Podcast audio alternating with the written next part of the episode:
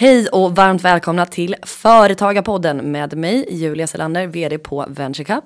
Och med mig Günther Mårder, vd på Företagarna. Och det här blir en valspecial Günther. Ja, det blir det. Det är mindre än en vecka kvar till D-dagen eller V-dagen. Eh, och vi kommer att få en alldeles särskild gäst idag som kommer att få sia lite grann både kring valrörelsen hittills, men också blicka fram vad som händer efter valrörelsen. Mm, och hur påverkar det här dig som egenföretagare? Företagarpodden finns till för att du som företagare ska få bättre förutsättningar att bli en framgångsrik företagare och då är det också viktigt att förstå det politiska landskap som du har att navigera igenom. Jag skulle vilja säga som så här. Om du inte har bestämt dig ännu som en tredjedel av Sveriges befolkning inte har gjort det ännu. Räds icke, bara fortsätt lyssna så får du svar. Välkommen till Företagarpodden. Ja Julia, förra veckan så fick du ledigt. Eh, det var jag som gav dig ledigt. För att ja. det blev lite struligt. Eh, jag, jag, vet faktiskt inte vad det beror på. Men jag såg i min kalender att det var ingen podd. Så då passade jag på. Mm. Vad har hänt sen vi såg senast? Eh, vad har hänt? Jo men jag har varit lite på. Du brukar säga att du har varit på turné i landet. Mm. Bland företagen. Det har jag också varit. Fast... Ute hos folket. Ja precis. Hur, Nej, mår, jag... hur mår folket? Eh, jag svarar alltså för hela Sverige. Ja. Ja men det är ganska bra. Det är ett härligt svar. Det, Ganska bra. Ja, det är alltid bra. Försiktigt optimistisk. Eh, nej, men jag har varit ute mycket på våra kontor i, för vänskap. Bland annat i Luleå och i Lund och Malmö. Och eh, gjort massa olika grejer och hängt med mina fantastiska kollegor. Så att, eh, det har varit nice. Men eh, jag är också lite töntig just nu för jag vill bara vara hemma med min kille. Så att jag, det har varit jobbigt för mig. Oh, mm. Eh, men det har varit bra. Jag känner mig dock lite, lite orolig inför valet. Och nervös. Nu börjar nervositeten komma tycker jag. Eh, varför ska du vara orolig? Du står inte på en enda lista mig veterligen. Okej, okay, så det betyder att jag kan inte vara orolig för hur samhällets uh, utveckling går. Ja, men berätta om din oro för mig. Nej, jag hur, blir... hur kan jag hjälpa dig? Oj, jag blir, jag blir. Håller på att svimma. Nej, jag blir orolig för att jag känner mig provocerad redan nu vad du ska prata om i det här valavsnittet. Ja. Ja, men berätta först, vad har du haft för dig? Eh, Varför gav du mig ledigt? Nej, jag gav det ledigt på grund av att det körde ihop sig tidsmässigt. Mm. Och eh, jag var iväg. Jo, jag, jag var på strategimöte med styrelseakademin mm. i Stockholm. Där jag är vice ordförande. Och då hade jag eh, var jag upptagen hela dagen. Och då tänkte jag att då måste vi spela in podden lite tidigare. Och då letade jag bland alla dessa stjärnor som fanns. Eh, som finns inom företagarna. Och eh, fann Patrik. Och då tyckte jag att det var ett lämpligt tema eftersom vi befinner oss i politikens tid. Och idag blir det också politik. Det blir det.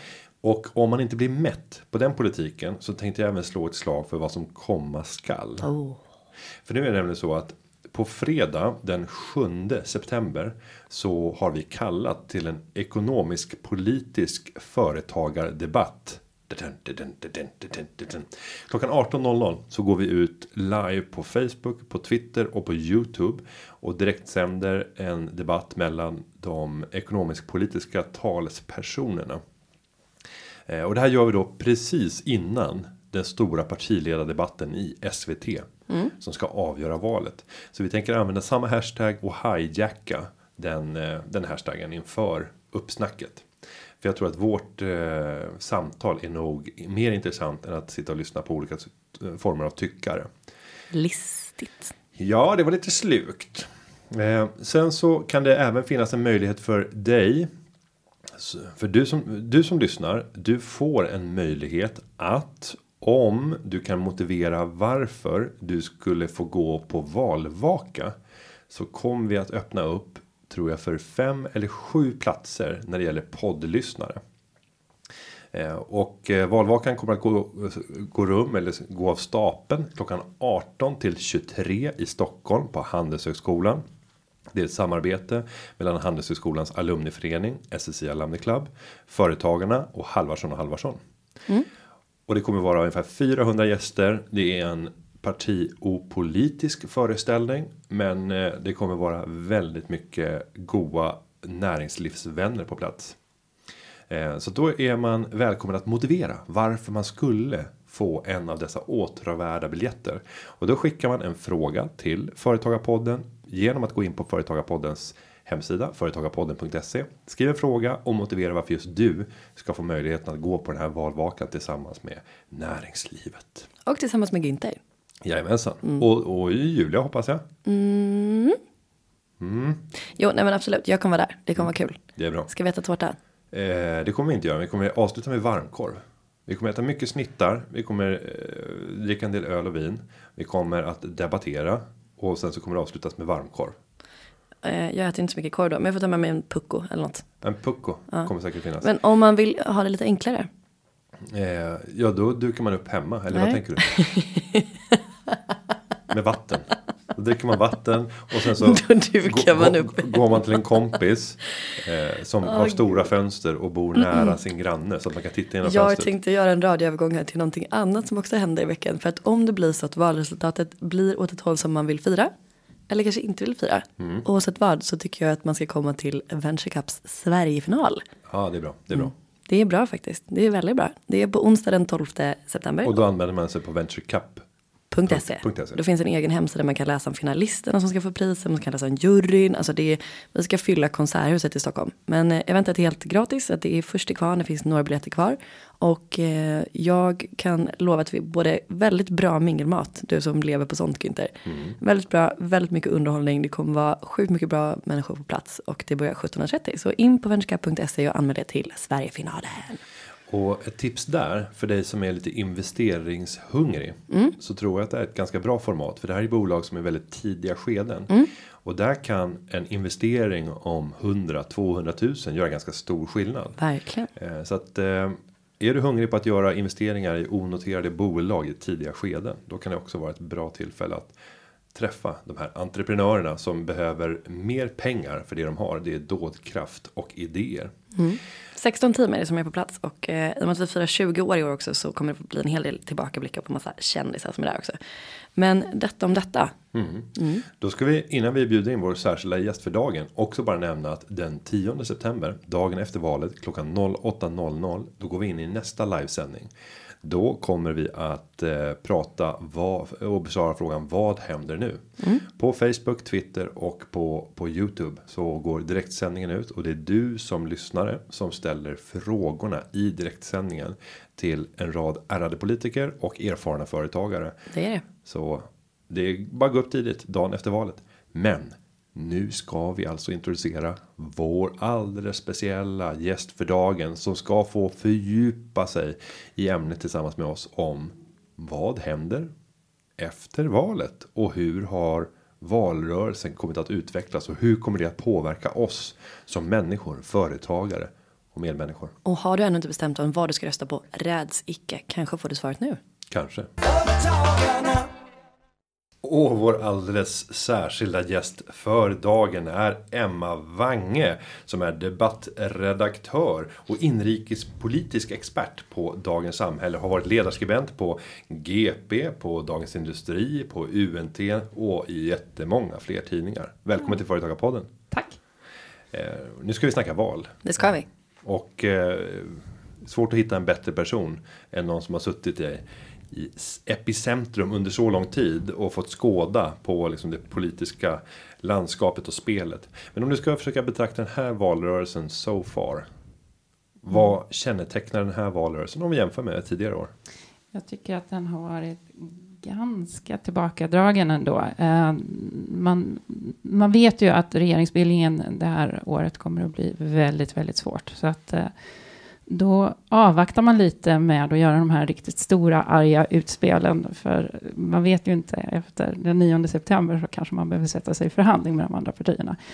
Så lite är det ju så att ja, man har en valrörelse, man, man går på sina motståndare, men man, de argaste utspelningen, alltså utspelen har nog kommit från ungdomsförbunden och liksom, par, liksom partiföreträdare på lite lägre nivå än vad, vad vi är vana med. Så en liten svalare variant helt Ja. enkelt. Mm. Avvaktande. Men eh, jag sitter också och tänker på alla hemliga planer som finns och som man bara plockar fram direkt efter valet.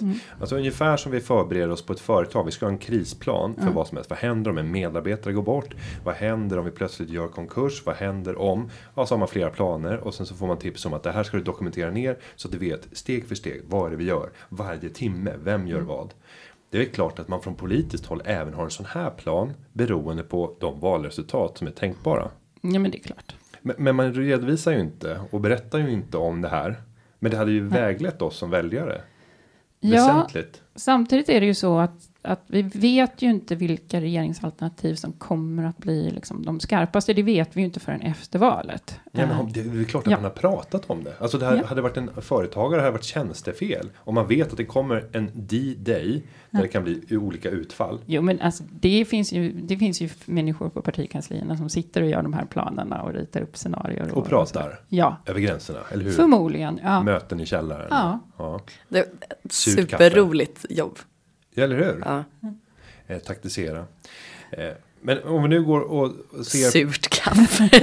Ja men jag tänker att det Ja, är det. Eh, absolut. Det är långa förhandlingar. Dålig luft. Huvudvärk. läsk. ja, men sen tror jag ju att de skarpa förhandlingarna kommer ju igång liksom, direkt efter valet. Alltså, det, det man har gått ut med nu det är ju sagt att vi kommer att tänka oss den här kon- konstellationen om X block blir större än det andra eller så. Eh, så mycket har man ju berättat, men, men vad som händer, det vet vi ju inte förrän efter valet. Och sen har jag. Det, det kanske är så att man glömmer bort tidigare valrörelser. Men nog är det väl så, nu kommer jag med ett påstående. Att det har varit långt många fler partiledarutfrågningar i livesänt format. Den här valrörelsen. När liksom såväl radio som, som kvällstidningar som tv-kanaler kör Ja. debatterna. Och det är alltid partiledarna. Precis. Och, och då ställer man sig frågan. Eh, bidrar det här på något sätt till att vi får ut fler svar på frågor? Eh, och vad är det som gör störst intryck på oss under de här tillfällena? Men frågan är om alla tittar på allt. Eh, man väljer väl sina kanaler lite grann också. Och det blir ju... Ja, man kan ju få en pusselbit i varje utfrågning sådär som man kan lägga ihop i det politiska spelet. Men eh, i grund och botten, nej, fler debatter ger inte alltid så mycket mer information. Alltså det, som sagt, alla är ganska avvaktande i den här valrörelsen. Så att man, man håller ändå en ganska låg profil. Och, och frågorna som kommer, alltså det går ju bara att ställa ett visst antal frågor. Så att nu har de ju också fått svara på mer så här, vilken bok läser Stefan Löfven? Och fått göra lite Sverige-quiz. Och, Ja. Eh, men, men om vi tittar på formaten. Vilket format tycker du har varit mest givande och informativt utifrån den personen du är? Nu sitter du på en väldigt unik plattform Ja. och ska bevaka eh, politiken och skriva om det och reflektera, debattera. Vilket format är det bästa för att få ut vettig information av alla de som har erbjudits i valrörelsen? Men jag tycker de här långa utfrågningarna där folk får prata till punkt och man, man kan liksom trycka lite grann på liksom, eh, när någon svarar lite undvikande och att man fortsätter att fråga om det då är ganska bra. För det är ju ganska talande ändå. Så att en, alltså enskilda utfrågningar är ganska talande med vissa Och, partiledare. och v- vem gör de bästa? Eh, Vilken kanal eller vilket medie? Jag tycker att Sveriges Televisions utfrågningar har varit bra. Mm. Mm. Inte Sveriges Radio, för Pet Morgons utfrågningar tyckte jag hittills har varit bäst. De var också bra. Ja. Ja. Men jag tänker också att det är spännande nu för att ehm, alltså, det finns ju många första eller i alla fall andragångsväljare som eh, kanske kom, ehm, som, ehm, vad heter det, konsumerar eh, olika sådana här intervjuer på, på andra plattformar. Typ eh, influencers, till exempel Margot Dietz som har liksom intervjuat massor med partiledare allihopa. Och kanske ta som så här, som du säger då, att ja, men vilken är din favoritbok? Men också kanske är de enda formaten som faktiskt många förstagångsväljare lyssnar på eller tittar på. Det känns spännande att se vad det blir för utfall av, av det. Och, jag. och sen säger man ju alltid, eller nu säger man ju, det har aldrig varit så många förstagångsväljare som det här valet. Det sa inte jag. Nej, nej, nej. Men det har heller aldrig varit så många pensionärer. Och det har heller aldrig varit så många väljare överhuvudtaget. jag tänker, Första och sista gångs väljare. som man kallar det. gud vad hemskt att vara rubricerad sista gångs väljare. Ja, det där måste Vi riktar oss till er, sistagångsväljarna. Va? Hmm. Nej men jag menar bara att det, det, känns som att det blir ju för varje, för varje val så blir det ju mer så att man väljer sina egna kanaler eh, att konsumera. Så att man får olika uppfattningar för vad som ligger till grund för sitt val. Det var mer så jag menar. Mm. Ja men så är det ju. Men, men samtidigt tror jag att det man märker med utfrågningar det är att, att det krävs um, faktiskt erfarenhet och kunskap för att göra en bra utfrågning. Sen mm. kan det ju vara att man är bra på att fråga lätta frågor. Uh, men det här är ju personer som, som är vana att debattera, de är vana att få ut sitt budskap, sina talepunkter. De är inte lättintervjuade oavsett vad man frågar dem om egentligen. Mm. Liksom. Uh, så att det, det, krävs, det krävs en skarp utfrågning, utfrågare för att få bra svar och bra resultat. Sen om vi tittar på väljargrupper så finns det ju en väljargrupp som utgör ungefär 10% av väljarbasen. Cirka 500 000. Eh, de försörjer sig på eget företag. Mm. Eh, och är företagare. Men företagarfrågor har tagit, eh, precis som i många andra valrörelser, väldigt lite utrymme. Och inte ens jobbfrågan har kommit upp på agendan högt. Vad är din analys av frånvaron av dessa frågor? Det är, jobbfrågan har ju inte varit stor i den här valrörelsen och det beror ju på att vi har en brinnande högkonjunktur och nästan alla som vill ha jobb får jobb på något sätt. Ungdomsarbetslösheten har försvunnit. Um, Ylva Johansson har ju pratat om det här att det var ju hennes drömscenario i början på mandatperioden.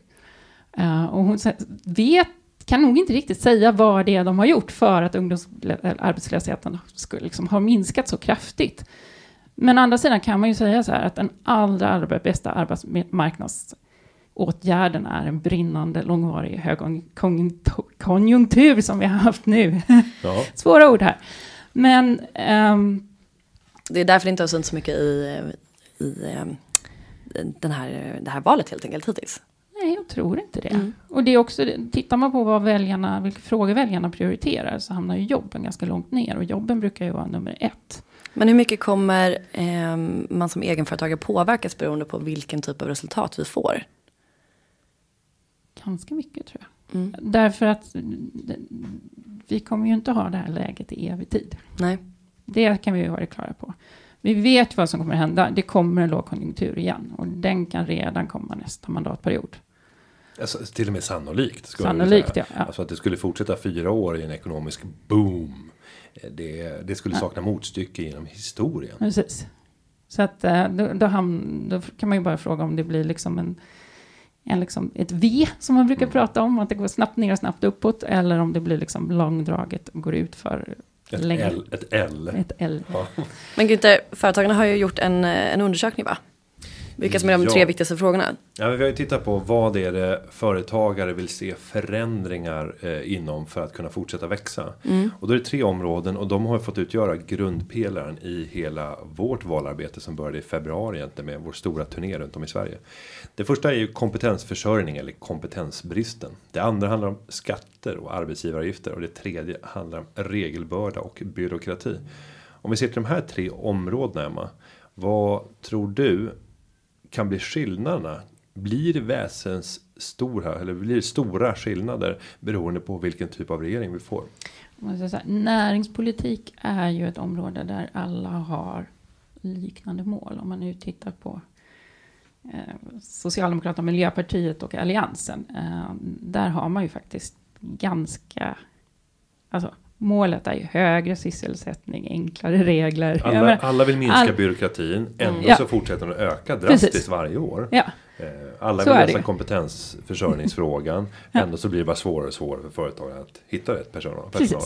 Ja, men det är nästan hygienfaktorer att säga att det här vill vi och det här är målen. Men som sagt, och jag tror ju också att även om man säger att man, man har samma mål så har man ju liksom delvis olika vägar dit. Eh, Alliansen har ju, tenderar ju att vilja sänka skatter lite mera. Eh, Medan då, jag vet Mikael Damberg har ju till exempel pratat om att de är väldigt bra på samarbeten och samverkan och, och liksom projekt och satsningar och sådär lite grann.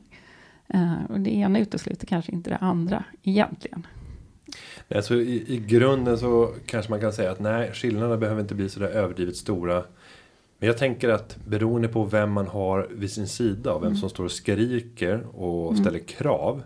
ehm, som kanske inte sitter i regeringen, Vänsterpartiet har varit det senast.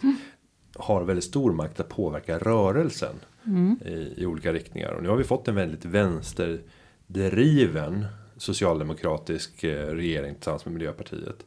Hade de istället haft sökt stöd ur Centern och Liberalerna så tror jag att vi hade fått se en helt annan typ av politik. Som också hade känts nästan mer socialdemokratisk. Om Ja, vi ser till det historiska. Ja.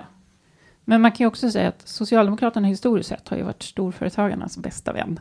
Kanske inte så mycket småföretagarna. Så att eh, det är kanske inte ett naturligt perspektiv för dem alltid att titta till den enskilt minsta småföretagaren. Um, det finns andra partier tror jag som har liksom, mer den kulturella bakgrunden. hur vi ska kalla det. Och om vi nu tittar på utspel som har kommit under valrörelsen så är ju ett av de stora s i rockärmen som sossarna drog fram här ungefär två veckor före valet. Alla föräldrar ska få en vecka ytterligare semester. Familjeveckan! Och staten ska betala för det här och det är en kostnad på över 5 miljarder årligen. Det är stor, en stor reform. Jättestor Eh, reform. Särskilt om man tittar på de indirekta kostnaderna. Ja. När vi pratar, alltså, jag har Ja, hört man har- siffror på 32 till 50 miljarder om året i indirekta samhällsekonomiska kostnader. Och det, och det första man kan konstatera om man företräder småföretagare det är att idag så har de jättesvårt att hitta rätt personal. En av de största utmaningarna är ju också då att om det försvinner personal som är rätt för det här företaget så stiger det problemet och blir ännu större. Och de typerna av samhällskalkyler finns ju inte med i det här utan det är bara de direkta kostnaderna. Man har inte beräknat hur stora blir kostnaderna för alla dessa 500 000 företagare. Som eh, också ska stå en stor del av notan. Men om vi nu analyserar det här utspelet. Man förstår att man gör det. Man måste till med någon liksom, stor bred reform som slår mot stora väljargrupper. Eh, Eh, men samtidigt så vill man ju också göra analysen av vem är det som har drivit den här frågan. Vem är det man flörtar med? För man kan ju ofta se att här är liksom Lärarförbundet och Lärarnas riksförbund. Eller här är vårdanställda som har drivit. Eller Ja, men man kan väl säga att det finns kanske ingen jättestark lobbygrupp på det sättet. Alltså man ser ju snarare Sveriges föräldrar som en väldigt stark väljarbas. Om man tänker sig maxtaxan som liksom, det här ska vara liksom, ja, maxtax, det blev jättebra att man införde maxtaxan. Liksom, man fick fler röster på det. Kanske inte första valet, men valet därefter. Så jag tror att man, man liksom tänker sig så. Sen finns det ju organisationer, exempelvis Majblomman, som har drivit frågan om eh, att barn och föräldrars ledighet inte motsvarar varandra. Så att, att, att man har belyst problemet finns det ju lobbyorganisationer som har gjort. Ehm, Men är det här lösningen? Nej. Jag tänker att jag kan sticka in eftersom att jag inte har några barn. Men det låter ju inte så smart. Hur, hur långt sommarlov har man egentligen? Ja, Tio tio- veckor. Ja, tio och en halv vecka räknade jag den här sommaren. Och om man då tar ut alla sina lagstadgade semesterveckor som... Ja, vi inte har ytterligare en vecka som kompensation för att vi inte har övertid. Vilket många har. Så det är fem veckor lagstiftat. Och då, tar man all, då bränner man allt på sommaren och ingenting på jul och så vidare. Inga andra extra. Då får man, då får man hälften. Ja, vi tänker att det är två föräldrar eh, som fortfarande är, liksom, tar det fulla ansvaret. Och så behöver det inte vara. Man kan vara ensamstående också. Mm. Om vi tar fem plus fem så återstår det fortfarande en halv vecka. Om vi tar all semester på sommaren. Och då får man inte heller träffa sin Inte en dag. Inte en dag har man- semester tillsammans. Det får man göra på kvällen. Och så kan du glömma liksom påsklov och eh, sportlov. Men alltså, det jul, finns jul så mycket lov. Potatislov. Det är knappt man hinner vara i skolan, tänker jag. Mm. Nej, men, och där, där, där tänker jag ju att, att lösningen vore egentligen att vi ökar eh, antalet veckor i skolan.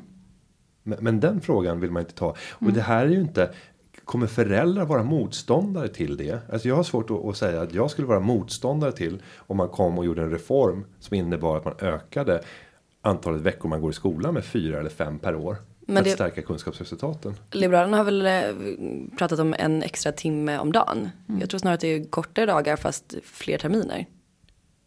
Ja, vi, vi, vi löser nog inte det. Men, men jag tänker bara som reform betraktat.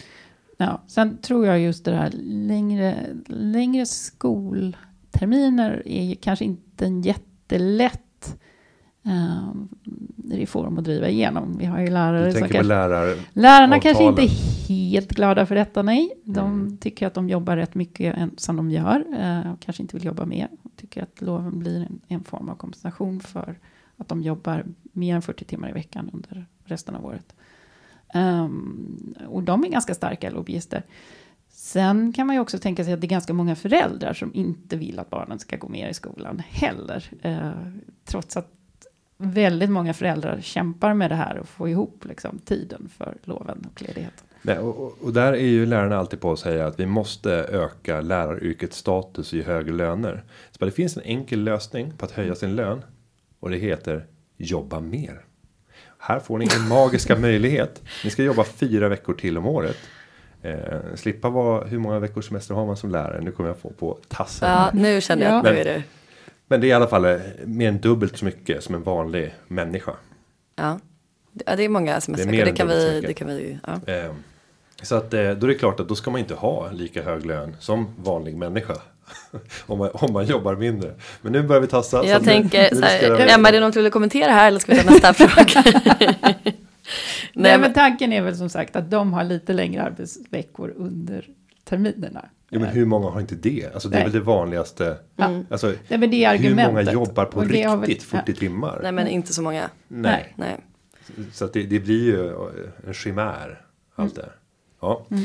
Eh, välkommen in med kritik. För dig som vill kritisera, skicka in klagomål. Så gör ni det enklast på hashtag Företagarpodden. På Twitter och på Instagram. Hoppas att det blir en storm nu. Ja, gärna. Ja, så sprid det här. Gör som, som många av de politiska underrörelserna. Sprid det här Mm. inlägget och skriv vilket sekundslag de ska lyssna på. Och sprid det bland alla lärare och ber dem att bomba hela podden med kritik. Varsågod. Varsågod. Ja. Eh, om vi går vidare och tittar på andra typer av reformer som har kommit så har Centern lanserat ett förslag där man under de kommande fyra åren vill satsa 6,4 miljarder kronor på att få bort löneskillnader som fortfarande existerar mellan män och kvinnor i staten. Är det här rätt väg att gå för att minska skillnaderna? Så ska man minska skillnaderna, alltså de löneskillnader som faktiskt finns, så måste det ju finnas pengar. Och eh, staten eh, ja, betalas ju av skatteintäkter, så att man måste ju hämta pengarna från budgeten. Och och där har du ju grunden i liksom det svenska systemet med att löner går bara upp. Trots att produktivitet både kan gå upp och ner. Ner. Och det borde vara lika hög sannolikhet för upp som nedgång i produktivitet. Men ändå så finns det bara ett läge och det är upp eller i värsta fall oförändrad lön. Vilket går emot hela systemet. Om man inte uppfinner någonting som heter inflation. Eh, För då skulle man kunna teoretiskt göra att vi i snitt får 2% sämre eh, lön om vi får noll. Då funkar ett sånt system. Men det hela, hela den svenska modellen tycker jag utraderats när inflationen har varit frånvarande. När vi kommer ner på ett nollinflationsläge så sabbas hela modellen. Intressant. Ehm, Och då kanske vi måste börja ta en diskussion om ska även lönesänkningar och nu blir det så här. Åh, nu blir det ett panikavsnitt här. Eh, Så här, han, öpp, han öppnar upp. Men, men det, är, det är ju inte, det är inte en orimlig tanke att en lön kan sänkas på upp, upp till 2% om man har på förhand ställda prestationskrav som har bedömts av facket som rimliga i förhållande till det arbete och den lön man uppbär. Lever man inte upp till det och facket säger att ja, så är det faktiskt. Här har man brustit i sin prestation. Problemet, och jag inser ju det, det är att just mäta det här. Den subjektiva frågan. Men rent teoretiskt så, så vore det lämpligt. Och då tänker jag, då hade det varit väldigt lätt att komma åt de här problemen.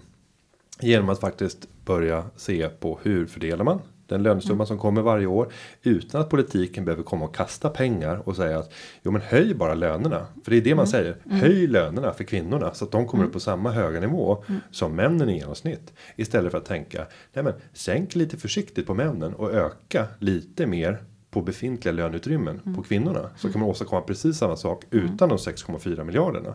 Om det nu är det man vill. Och det borde finnas en grund för det.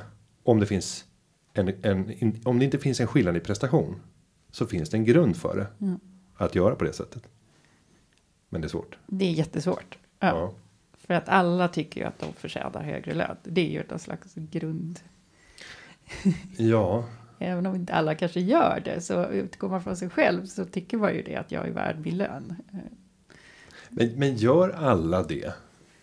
Är det inte en och annan som, som går och tänker när man går till jobbet, bara, när ska jag bli upptäckt? Jag tror att det är många som tänker så. Ja, eller? Men det har ingenting med lönen att göra för det är någon slags annan känslobarometer tror jag. Att, nej men, och, den, och då ska jag och nej. Alltså det, det är helt andra saker som spelar in när Men, men, ska, men ska politiken blanda sig i? Det är väl den viktiga frågan här. Ska man blanda sig i det som man säger att här har vi parter som ska göra upp om det här. Du har SKL på ena sidan och sen har du eh, fackförbund på andra sidan som ska Ja. förhandla. Fast staten är ju arbetsgivare i det här fallet. Så att. Mm. så att den, staten är ju en part också. Det är ju det som blir lite knepigt här. Och, och det, det man kan tänka sig det är ju att bara ge. Alltså du, kan ju, du har ju regleringsbrev på alla myndigheter. Du kan ju bara skjuta till pengar och säga att vi vill som ägare av de här verksamheterna se att skillnaderna försvinner. Eh, här finns lite extra anslag eller inga anslag alls men vi vill se att de försvinner. Lös det bara. Så hade jag kunnat säga som ägare. Det är sällan man kanske bara skjuter till nya medel. De måste komma någonstans ifrån tänker jag. Så är det. Eh, men vi får se. På fredag den eh, 7 i nionde så är det den stora partiledardebatten i SVT. Då har även företagarna kallat in klockan sex till en företagarpolitisk och näringspolitisk debatt med de ekonomisk-politiska talespersonerna. Och då undrar jag om du kan ge några tips eller tricks eller någonting som jag borde ta med mig till den utfrågningen och grilla de här personerna särskilt på. Och jag ska lägga till att flera av dem har känt en frustration för att de inte har fått komma ut i den här valrörelsen. De som grupp har i princip inte fått stå och debattera. Senast vi gjorde det, ja, det var också i ett sammanhang där, där företagarna var med. Det var Åre Business Forum i april. Då hade vi de ekonomisk politiska talespersonerna en och en halv timme. DI sände live. Men de har inte synts. Nej, Det är bara partiledare. precis. Vad ska vi tänka nu när vi har de främsta experterna inom partierna när det faktiskt handlar om det, den ekonomiska politiken och företagarpolitik. Vad är det vi ska grilla dem på? Nej, men då, då tycker jag det här att du får trycka här. Vad vill ni konkret göra? Inte bara det här liksom eh, upprepa hygienfaktorerna. Att vi vill ha enklare. Liksom. Bättre vård. Hur? Det tar vi sen. Men det ska vara bättre vård.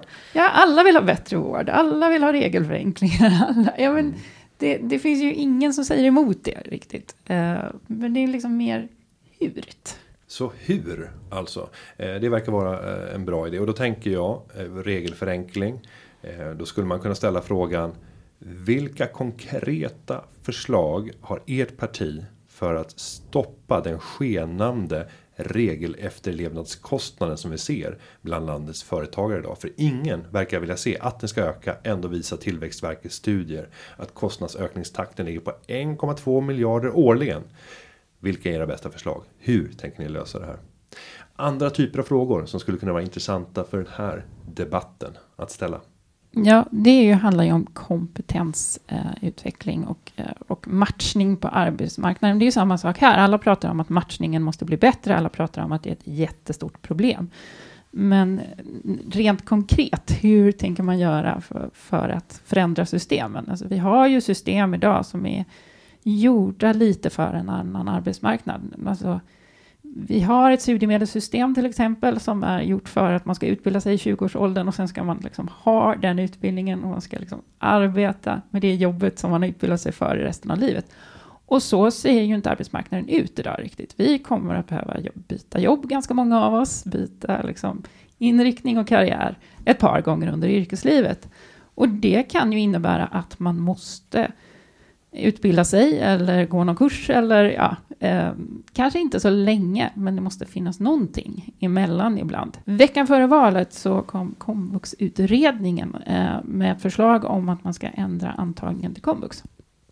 Eh, och där pratar man om att man inte ska prioritera de som har lägst utbildning utan de som har fel utbildning. Och sen kan man ju diskutera lite hur man ska mäta det här med fel utbildning. Och vem, de som alltså behöver utbildning mest ska prioriteras till antagningen. Och frågan är hur man ska mäta det, för det kanske inte blir så lätt. Ja, där hade inte jag velat sitta och vara den som avgör. Nej.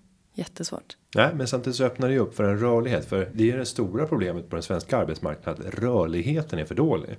Eh, Och det gör ju att säkert många sitter kvar på ett arbete som man egentligen inte fullt ut trivs på. Eh, liksom eldunderstödd av våra LAS-regler. Där man tänker eh, sist in först ut. Ja, fast jag har varit anställd här länge så jag sitter tryggt i båten. Och själva verket så är inte LAS speciellt starkt om det väl kommer till kritan. Om det är så att du har fel kompetens. Precis. Eh, då kommer du att kunna tas bort ändå. Eh, Så det viktiga är ju att man själv känner en glädje på jobbet. Och att man ser att jag passar väldigt bra ihop med den organisation som jag arbetar för just nu. Finns inte den kärleken då kommer det aldrig bli något framgångsrikt resultat. Men jag vill hävda att vi har idag ett system som gör att man skapar den här fingerade kärleken. Ungefär som förr i tiden när vi hade äktenskapet. Man höll ihop bara för att alternativet var så dåligt. Ja. Nej, men det är ju skräck i alla fall, alltså på stora bolag. Vi måste ju utbilda personer så att man, man har en vilja efter att, eh, att ja, ny kunskap och nyfikenhet är det som styr istället för att man har ett jobb och sen så har man resten av livet. Mm. Där, där har jag, jag mötte ju en, en företagare som var rädd just för vad händer om man ger sin personal väldigt mycket utbildning. Och sa han, "Ja, men vad händer om jag investerar väldigt mycket i min personal och sen får de en högre kompetens och så byter de jobb. Och så har jag fått ta kostnaden för det. Men då brukar jag vända det till motsatsen och säga, ja, men tänk om du inte ger utbildning till din personal och så stannar de. Alltså det är ju mardrömsscenariot. Tänk att sitta med personer som bara devalveras kunskapsmässigt och som fortfarande jobbar kvar hos dig. Så att alternativet förskräcker, så se till att kompetensutveckla din personal. Lagom helt enkelt. La- ja, lagom, precis så att de inte drar. Ja, men man har ju också ett personligt ansvar som anställd att man måste se till att okej, men vad är min plan om tre år eller fem år och vad vill jag och ligger det jag gör idag i linje med det? Så att det, det är en blandning. Det kan ju inte heller bara vara upp till din arbetsgivare att, att se till att du ska fortsätta kompetensutbilda dig eller utveckla dig. Nej. Kombination. Men nu tänkte jag att vi avslutningsvis ska få tippa. Eh, vad tror vi att vi kommer att ha för regering efter valet? Vi kan nog enas om att det kommer ta lite längre tid än vanligt. Eh, och det kommer vara mycket tjuv och rackarspel. Men vad tror vi om utfallet? Emma, vill du börja? Ja, Du har ju tankar Men man kan ju säga, man kan ju också prata om lite olika alternativ. Man behöver inte bara Ja, säga ja, ett. Utan vad, vad är de mest troliga scenarierna? Alltså det troligaste är ju kanske att den nuvarande regeringen sitter kvar. Ehm, man sitter still i båten lite grann. Ehm, Så Löfven som statsminister bedömer nu som mest sannolik. Alltså, ja, alltså det, det kommer ju bli jättesvårt att bilda en ny regering. Det vet vi. Alltså, allting handlar ju faktiskt om vad blir det för siffror på valdagen. Alltså, vilket block kommer bli större än det andra. Um, Löfven har ju sagt att han kommer att klamra sig fast. Och Ehm, Kristersson tänker eh, jobba in i kaklet för att ta över Oh, ja. regeringsmakten. Mm. Oh ja, det kommer han att göra. Ehm, och det, det beror, handlar väl ganska mycket på vem han kan få stöd för, för sin regering i så fall. Och hur mycket röster alliansen får. Mm. Ehm, vi vet ju att Centern och Liberalerna inte är så förtjusta i någon form av stöd från SD på något sätt. Mm. Vi vet ju också att eh, Socialdemokraterna och Miljöpartiet inte tänker sig liksom, någon form av stöd från SD, men de får ändå sidan stöd från Vänsterpartiet som det har gått bra för i valrörelsen. Ehm, så att, ja, det... ehm, allt kan hända, känns det som, i, i de här regeringsförhandlingarna. lite grann. Och, men det enda som jag, alternativ som jag utesluter det är att SD kommer hamna i regeringsställning. Sen kan Mm. de ju få inflytande över regeringspolitiken. Det kan vi inte utesluta. Men nu svarade du nästan som en politiker. Ja, Det var inte mycket, det var inte mycket svar där. nej. Och, och om jag tittar eh, nu på oddsen. Mm. Eh, så kan jag ju se att det mest sannolika enligt eh, bettinginstituten. Där vi då har ett fåtal dagar kvar. Det är att vi får en alliansregering. Där får du 2,85 gånger pengarna. Mm. Eh, näst troligast, jag kan inte säga att det är näst troligast. Mm. Ehm, ja, men, men det är det. eh, Och sen så på 1,9 gånger pengarna, så det är inte långt ifrån. Så har vi en SMP-V Mm. konstellation. Det behöver inte vara en regering. nej. Ja, Alltså det är ju ingen hemlighet kan man väl säga att, att det har ju gnisslat rätt mycket i samarbetet mellan Socialdemokraterna och Miljöpartiet de här fyra åren. Mm. Eh, och jag kan ju tänka mig som sagt att Socialdemokraterna skulle ju inte tacka nej till en, en konstellation som snarare bestod av S, L och C. Mhm. Nej, nej den, och det, visst känns det som att under valrörelsen så har man mjuknat i sin retorik från Centern och Liberalerna. Man har inte varit lika fylld av attacklust Nej. mot sossarna som för ett år sedan bara. Nej. Och man har ju öppnat för liksom, att det kan finnas möjligheter till förhandlingar. Mm. Jag tror inte man utesluter det. Eh, sen säger man ju att vi vill bilda regering med alliansen. Funkar inte det så kanske? Och man kan ju alltid komma med och säga så här, men för landets skull, vi behöver ta vårt ansvar, vi behöver en fungerande regering och så där. Så att jag tror, mitt tips är ju att efter valet så kommer förhandlingarna bli intensiva och långvariga, men att alla alla kan nog tänka sig ganska många typer av konstellationer. Eh, sen finns det ju mer eller mindre roliga konstellationer, tänkbara konstellationer. Mm. En bra konstellation kanske för Sverige eh, hade varit Moderaterna och Socialdemokraterna. Mm.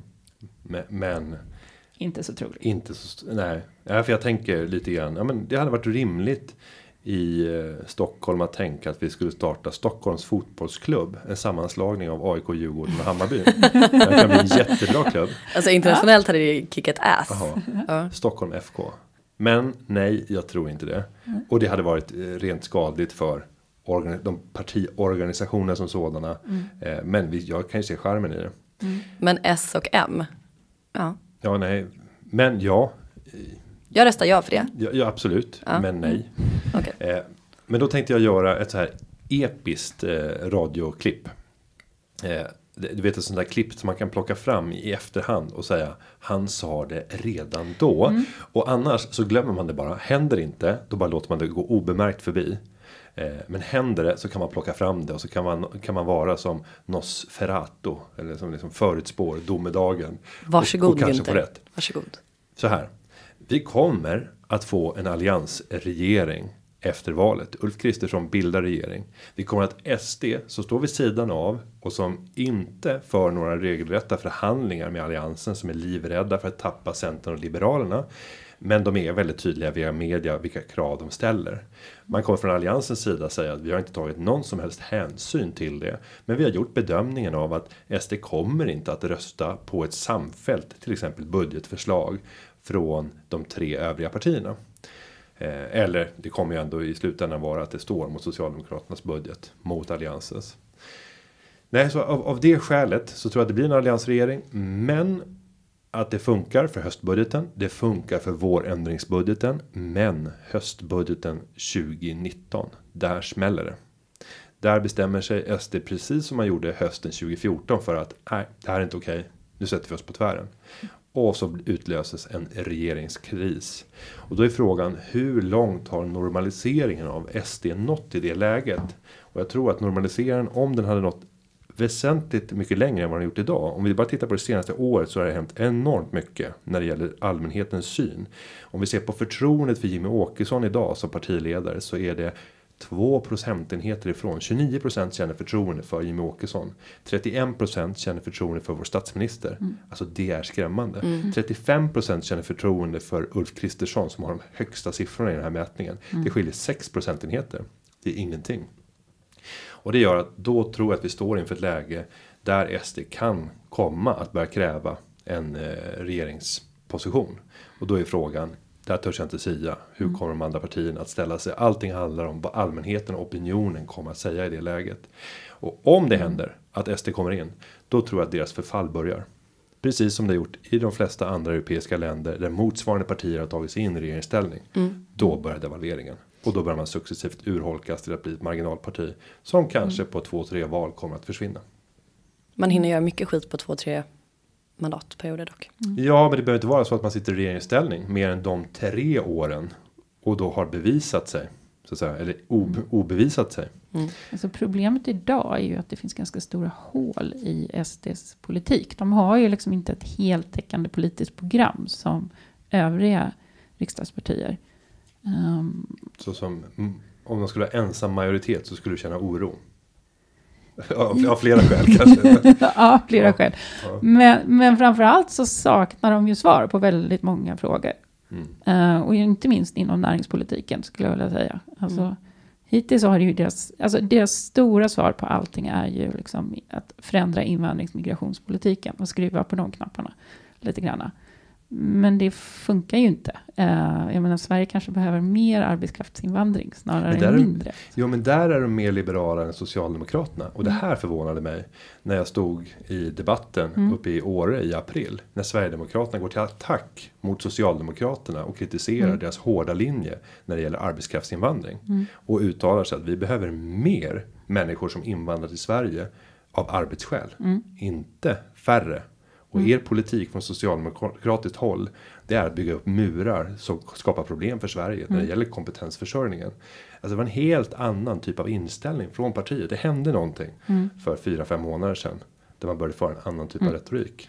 Och samtidigt är det ju så att har du kommit hit som flykting eh, så ser man ju inte riktigt deras kompetens av de som kommit hit. Mm. Eh, Det är en väldigt stor skillnad där i deras Mm. synsätt på det. Ja, men det där var min, min episka spaning. Vi får se om den bara ska glömmas bort helt och hållet. Eller om den kommer plockas fram ett år senare. Och så blir man, eh, ja vad kallar man det? För, förklarad. Stat, Dubbad till Dubbad. riddare av Företagarpodden. Ja. Men det kan vi väl veta redan om, om ett par avsnitt tänker jag. jo, fast det är just det här att de faller. Regeringen faller. Först Eh, efter ett år. Ja, Mm. först efter ett år. Det är det som är egentligen det unika. Men ni kära lyssnare, ni är med oss då som nu. Mm. Julia, vill du säga någonting? Jag vill säga som så att gå och rösta. Rösta inte blankt och rösta inte på ett parti som tar tillbaka eh, rättigheter för alla som inte är vita cis-män ungefär 500 år. Eh, ni förstår säkert vilket parti jag syftar på. Det är min personliga privata åsikt och den behöver inte spegla företagarpoddens men jag vill ändå säga den. Eh, det blir ett spännande val och eh, som sagt vill ni vara med på valvakan så vet ni vart ni vänder er och då får ni hänga med mig och Günther och äta de här korvarna på slutet också. Det blir spännande. Mm. Och vi bjuder även i sändning in Emma. Eh, om du inte har bestämt dig redan nu eller har uppdrag på valvakskvällen. Så är du välkommen till Handelshögskolan klockan 18 till 23. Där vi kommer att ha stor samling med 300-400 gäster på plats. Eh, Med det så säger vi återigen tack till Emma Wange som eh, bland annat är eh, inrikespolitisk expert och debattredaktör på Dagens Samhälle. Tack för att du kom till Företagarpodden. Tack. Och vi ska säga att podden den har spelats in i poddrummet men framförallt förberetts av David Hagen. Och klippningen den är gjord av Linda Aunan Edvall. Vi hörs igen nästa vecka. Ha hej då! Hej, hej! Företagarna Ja, ja, ja, ja, ja, ja Företagarna Ja, ja, ja, ja, ja, ja